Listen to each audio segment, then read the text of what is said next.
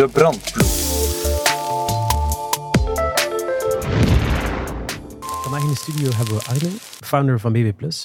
Goedemorgen. Dankjewel Ruben. Ja, bedankt om mij uit te nodigen in die uh, professionele studio hier. Arno, mocht ik jou op Tinder vinden, wat zou er op jouw profiel staan?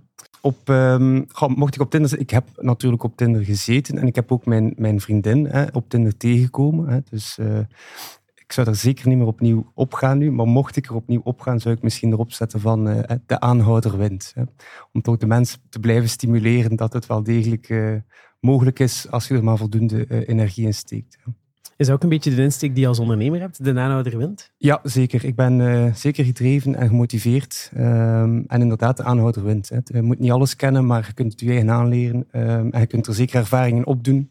Maar uh, mocht je niet laten wegslaan door wat tegenslagen. Uh, je moet er gewoon volop voor blijven vechten en voor blijven gaan. Dus je hebt al vaak een keer in een, in een knokpartij gezeten waarvan dat je dacht, hier ga ik nu een keer blijven gaan, zodat ik mijn slag thuis haal. Ja, ja, ik denk dat dat uh, iets typisch is aan ondernemen. Uh, ja, zeker. zeker ja. Arno, mocht ik jou nu exact het omgekeerde vragen, wat zouden jullie doen bij BB+. Wat zou dat zijn? Even denken, totaal niet geloven in de digitalisatie van de vastgoedmarkt. Uh, in het bijzonder dan voor het uitvoeren van plaatsbeschrijvingen. Ehm, en dat wij samenwerkingen opstellen met vastgoedkantoren om hen met extra werk op te zadelen, zodat zij zeker niet meer toekomen aan hun kernactiviteit. Maar dus in realiteit helpen jullie eigenlijk vastgoedkantoren bij de administratieve molen te gaan vergemakkelijken door plaatsbeschrijvingen digitaler te maken. Ja, klopt. Ik ben ook zelf vastgoedmakelaar van opleiding. Uh, ik ben ook actief geweest als vastgoedmakelaar uh, gedurende vier jaar. Um, en ik merk dat uh, je hebt echt een tijd nodig voor je, je kernactiviteit, je inkoop, je verkoop, je verhuur natuurlijk ook. Um, en al die zaken die erbij komen, ja, dat is als je maar een bepaald volume hebt van een bepaald attest dat je moet opmaken of een plaatsbescherming iets dergelijks, ben je daar altijd veel langer aan bezig dan dat je daarvoor uh, ja, een expert gaat inhuren. Hè.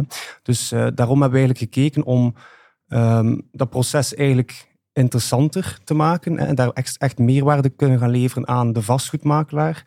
Um, door eigenlijk, ja, doordat wij efficiënter gaan werken, gaan we de prijs verlagen en kunnen we eigenlijk zo een, een mooie structuur opzetten waarbij dat we de makelaar volledig kunnen ontlasten uh, hij kan vertrouwen op onze professionele werking en uh, kan er terzelfde tijd ook nog iets aan verdienen. Hè. Dat is het mooie eraan.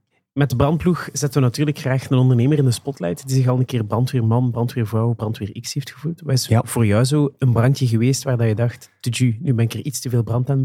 Ja, het, is, het, zijn verschillende branden, maar het gaat altijd over hetzelfde. Je hoort me al aankomen, ik ben vastgoedmakelaar van opleiding. Ik geloof wel in digitalisatie van de vastgoedmarkt ja, dan heb je natuurlijk direct een idee van, kijk, als we dit en dit kunnen automatiseren aan de hand van software, bij ons is dat een iOS-applicatie voor iPad gekoppeld aan uh, een webplatform, ja, dan kunnen we natuurlijk onze eigen dienstverlening efficiënter maken en hebben een product, product liever om ook aan te bieden aan uh, ja, vastgoedkantoren die toch ervoor kiezen om de plaatsbeschrijving zelf uit te voeren. En op papier is dat heel mooi natuurlijk, maar hoe begin je daaraan? Dan ga je uh, bepaalde partijen contacteren om die software voor jou te bouwen. En dat is toch een hele nieuwe wereld met verschillende branden dat voorbij is uh, opengegaan. Ja, ja. Ik denk een eerste allez, belangrijk punt dat we daar meegemaakt hebben is, oké, okay, heb je een MVP, en dat is altijd, je gaat een bedrag bepalen en dan bouw je die MVP.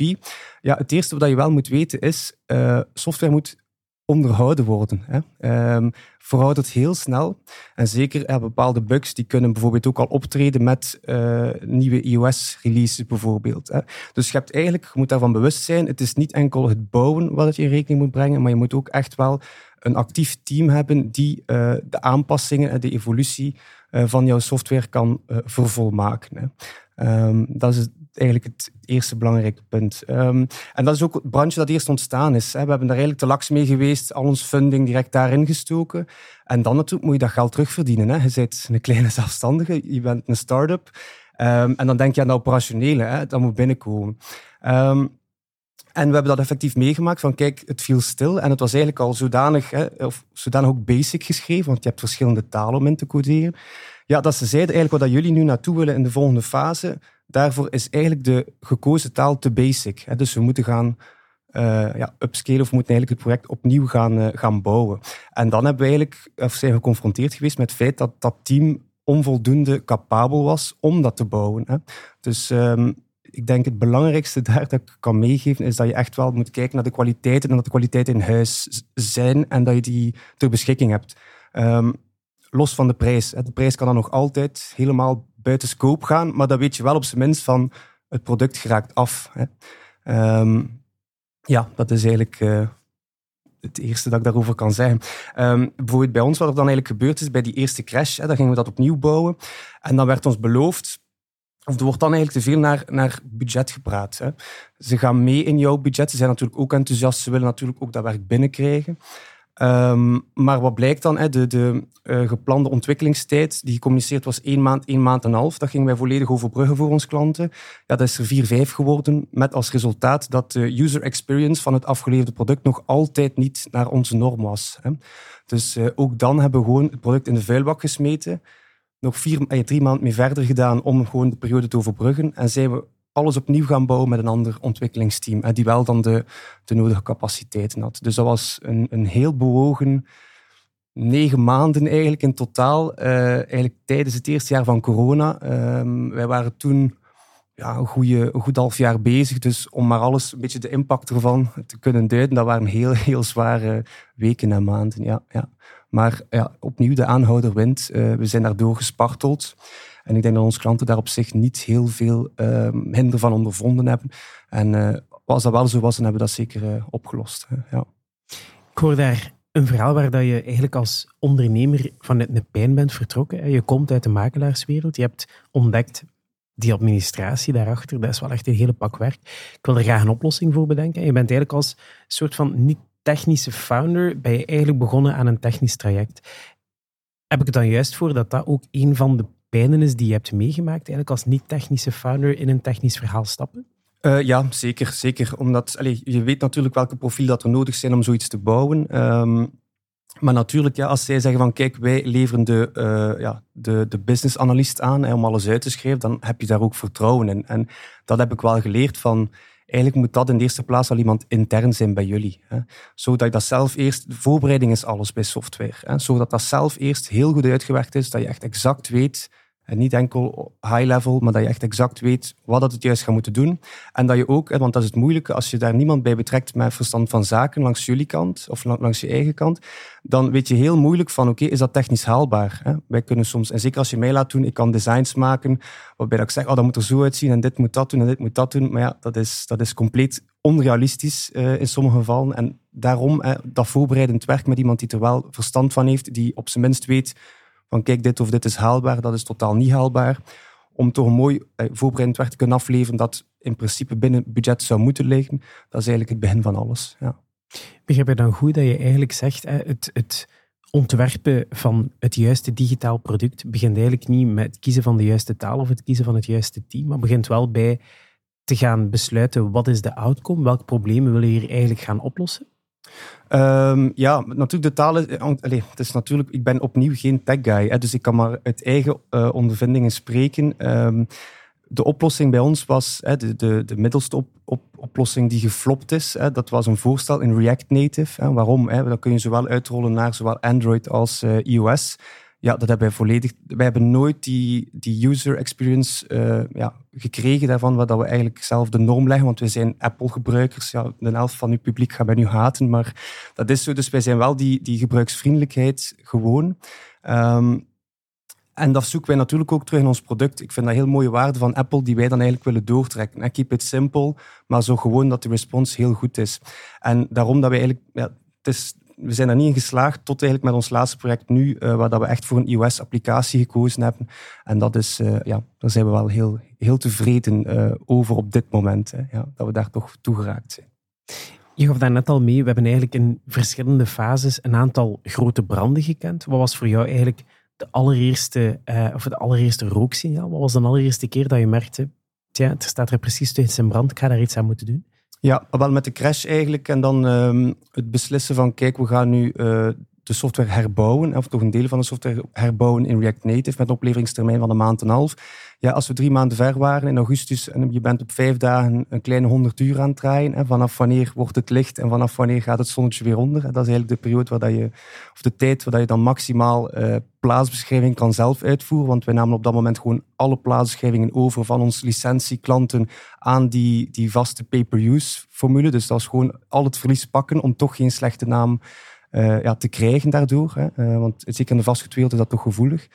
Um, ja, dat was wel degelijk het signaal van oké, dit komt ook niet goed. Hè. Um, dat was um, overdag de plaatsgeving uitvoeren en dan de volgende beeld ja, evalueren vanaf 11 uur s'avonds tot 2 uur s'nachts om alles opnieuw te rapporteren, zodat ze er aan konden verder doen. Maar als er dan 90 beelds passeren, ja, dan ben je er ook uh, stilletjes aan het kapot aan het gaan. En dan zijn we eigenlijk vanaf september uh, in gesprek gegaan met een andere partij om daar uh, ja, de nieuwe MVP te maken, die we dan uiteindelijk, denk midden december hebben kunnen releasen. En daarmee was dan ook uh, ja, de eerste grote brand geblust. Ja. Ja. Heb ik net goed gehoord dat het blussen voor jou niet alleen het opnieuw bouwen van die MVP was, maar ook gewoon zelf die zaken gaan doen. Dus je hebt gezegd, mijn app doet normaal gezien uitvoering A. Ik ga dat gewoon zelf gaan doen totdat de app terugwerkt. Ja, ja, inderdaad. Uh, het is toevallig, maar ik heb naar Sarah podcast geluisterd en dat is eigenlijk juist hetzelfde. Ze heeft een beetje gelijkaardig iets meegemaakt. Je wil geen reputatieschade. Hè. Voor een start-up is dat zo belangrijk. Ja, je hebt de beste bedoelingen natuurlijk, maar als er fouten uh, ja, voortkomen uit iets wat je zelf niet in hand hebt, dan het enige wat je kan doen is zelf extra tijd en moeite investeren om toch de mensen te blijven overtuigen dat je een betrouwbare partij bent. Um, dus ja, inderdaad, we hebben, dat, ja, uh, we hebben heel veel werk moeten leveren om dat te blussen en zeker met onze eigen handen ook. Ja. Heerlijk. Je hebt daarnet al een aantal keer de, de uitdrukking MVP laten vallen. Misschien dat onze luisteraars nog niet 100% goed weten wat dat is. Wat betekent dat voor jou, een MVP? Wel, een MVP is eigenlijk een, een, een eerste project of het eerste grote deel van uw, uh, van uw project. Hè. Um, dat is eigenlijk waarmee dat je met de funding die je verzameld hebt zegt van kijk, hè, uh, je stelt de scope samen en uh, dit is realistisch. Je, je, ja, je omkadert die scope en dat is eigenlijk het eerste grote deel uh, dat ervoor zal zorgen dat je eigenlijk kan starten uh, met, jou, uh, met jouw software. En dan later bouw je verder op die eerste MVP met verschillende ja, updates en dergelijke. En daarvoor maak je dan die, die release kalender eigenlijk, ja, of die ontwikkelkalender, stel je die samen. Ja. Dat zou toch in principe de bedoeling moeten zijn. Ja.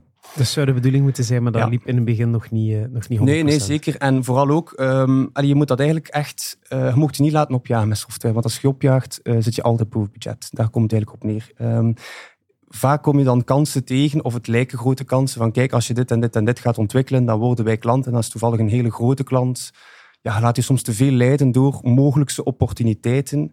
Uh, op iets wat je nog niet, of mogelijkse klanten op iets wat je nog niet kan leveren op die dag. En tegen dat het effectief al ontwikkeld is, zit je vaak een half jaar later.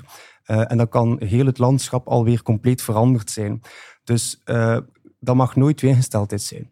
Want daardoor, hè, de voorbereiding waar we het over hadden, ja, die laat je vallen. Je, je steekt daar te weinig tijd in. Vaak begin je dan ja, veel te snel met ontwikkelen, waardoor dat, dat er gewoon te veel marge is voor fouten. Hè. Um, ja, dus dat zou ik, ja, zou ik afraden. Dus eigenlijk hoor ik daar, zorg ervoor dat als je bezig bent met technologie, met software, bouw geen featurefabriek, maar geloof in het idee wat je voorop hebt gesteld. Hou vast ja. aan die voorbereiding en zorg ervoor dat je gaat bouwen wat ook de bedoeling is dat het bouwt. En niet wat je klant zegt dat je moet gaan bouwen. Ja, inderdaad. Leads. En, en dat, is wel, dat is wel leuk. Hè? Als, je, als je input krijgt van uw mogelijke toekomstige klanten, hè? Uh, neem dat mee vooral. Maar bekijk wel het grotere verhaal. Hè? Eerst en vooral. Um, wij keken ook altijd naar het feit van goed, is dat uh, voordelig voor ons eigen dienstverlening. Hè? Want je kan zeggen dat je wilt, maar software op zich, ja, brengt niets op. Uh, het is maar wat wat dat wordt afgenomen uh, aan de kant van de licentie. Maar voor ons, ja, de, grootste, de grootste omzet werd altijd, en tot vandaag nog altijd, um, gerealiseerd vanuit eigen dienstverlening. Hè. Dus dat was altijd een insteek. Updates moeten onze eigen dienstverlening kunnen verbeteren. Hè. En dan kijken we natuurlijk van goed, welke, welke klanten haken daar mee aan de kar en kunnen daar mee van profiteren. En hoe meer, hoe beter natuurlijk. Dat is altijd een plus. Heb je het gevoel dat jouw onderneming op dit moment brandveiliger is dan daarvoor? Uh, brandveiliger uh, wel. Allee, je leert bij en gaat u nooit allee, twee keer uh, stoten. Hè. Um, Maar je blijft wel dingen tegenkomen en daar moet je ook van bewust zijn. Maar ik denk, het hangt veel af van de ingesteldheid van, uh, van de, de zaakvoerder of van de onderneming zelf. Want het is ook niet allemaal een, een ik-ik-ik-verhaal. Je hebt echt wel een team nodig. En in, in, moeilijke situaties moet je ook gewoon op iedereen kunnen vertrouwen binnen het team. En heb je echt wel... Ik denk dat, je daar, dat het belangrijk is dat je daar de juiste mentaliteit in huis haalt. Dat je die ook duidelijk communiceert aan iedereen. Uh, maar ik denk op dat vlak zijn we... We zijn er altijd bewust mee bezig geweest. We hebben ook al veel branden doorstaan. Dus dat is altijd wel goed gecommuniceerd aan iedereen. En um, ja, als je een goed team hebt, dan, dan kan je in principe alles overwinnen. Um, ja, dat is mijn ingesteldheid tot op vandaag toch nog altijd. Ja. Een strafteam helpt u verder vooruit? Ja, 100 procent. Ja. We hadden het daarnet al over, ik heb geleerd uit de brandjes die ik al heb meegemaakt. Wat is een signaal dat je nu sneller gaat herkennen? Heb je een soort van litteken van een brandwonde waarvan je zegt, dit is iets wat mij een signaal sneller gaat doen laten inzien? Um, een signaal sneller doen, doen inzien. Ik, opnieuw, het is, uh, ik ga nu niet meer de fout maken om, om zaken uh, vroegtijdig te starten op vandaag. We hebben nu zelf weer een grote ontwikkeling lopen. Uh, het was 3500 uur dat we eigenlijk nu gingen ontwikkelen. Ondertussen is het al 4500 en dat komt weer voort uit het feit van uh, te snel, hè, te, te veel opportuniteiten, zogezegde opportuniteiten, die u pushen hè, vanaf dat de funding binnen is, van daar direct mee te starten. Want de, de datum is heel belangrijk. Hoe sneller dat we afgeleverd product hebben, hoe beter. Maar kijk, de, de initiële oplevering was in mei gepland en nu gaan we eigenlijk al naar augustus. Dus dat is ook maar een taboe uw voorbereidend werk, goed voorbereidend werk, zal ervoor zorgen dat je juist die, die, uh, die um, opleverdatum, dat je die haalt en dat die realistisch is. En dat is in iedereen zijn voordeel, ook bij je klanten.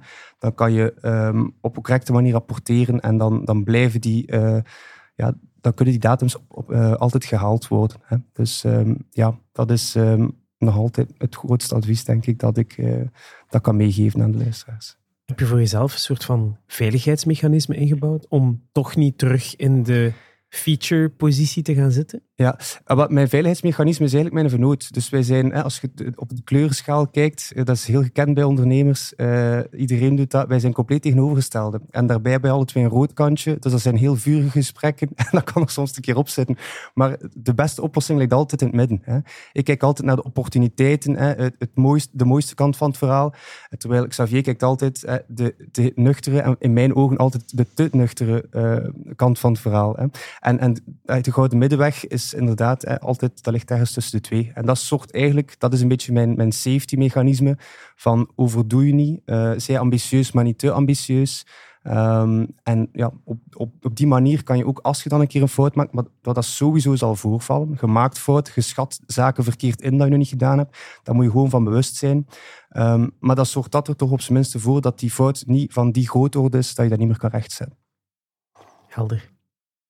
Wat zou je meegeven als brandmelder? Stel dat je aan iedere ondernemer in België een, eh, een spreekwoordelijke brandmelder zou mogen toesturen. Welke zou die dan zijn?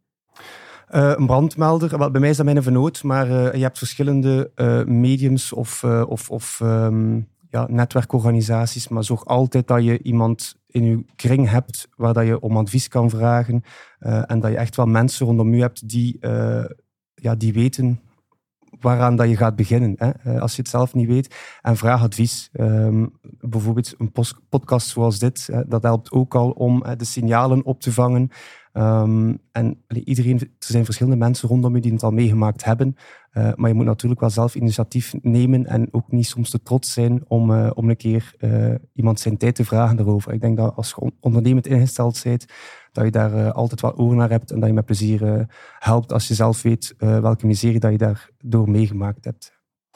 Fantastisch. Merci Arno om erbij te zijn vandaag in de studio. Hetgeen wat ik het meeste ga meenemen is eigenlijk als ondernemer dat het geen kwaad kan om af en toe ook een keer mee in een brandaard zelf te gaan duiken. Dat het ook geen kwaad kan om te bewijzen dat je kan opleveren wat je product belooft. In jouw geval was dat dan, ik ga zelf die plaatsbeschrijving gaan doen totdat hij een app doet wat hij moet doen. Ik ga ervoor zorgen dat die belofte na, eh, nagekomen wordt. Eh, ik vond dat eigenlijk een heel mooie promise om te doen naar je klanten, om op die manier ook dichter bij je klanten en bij je product te staan.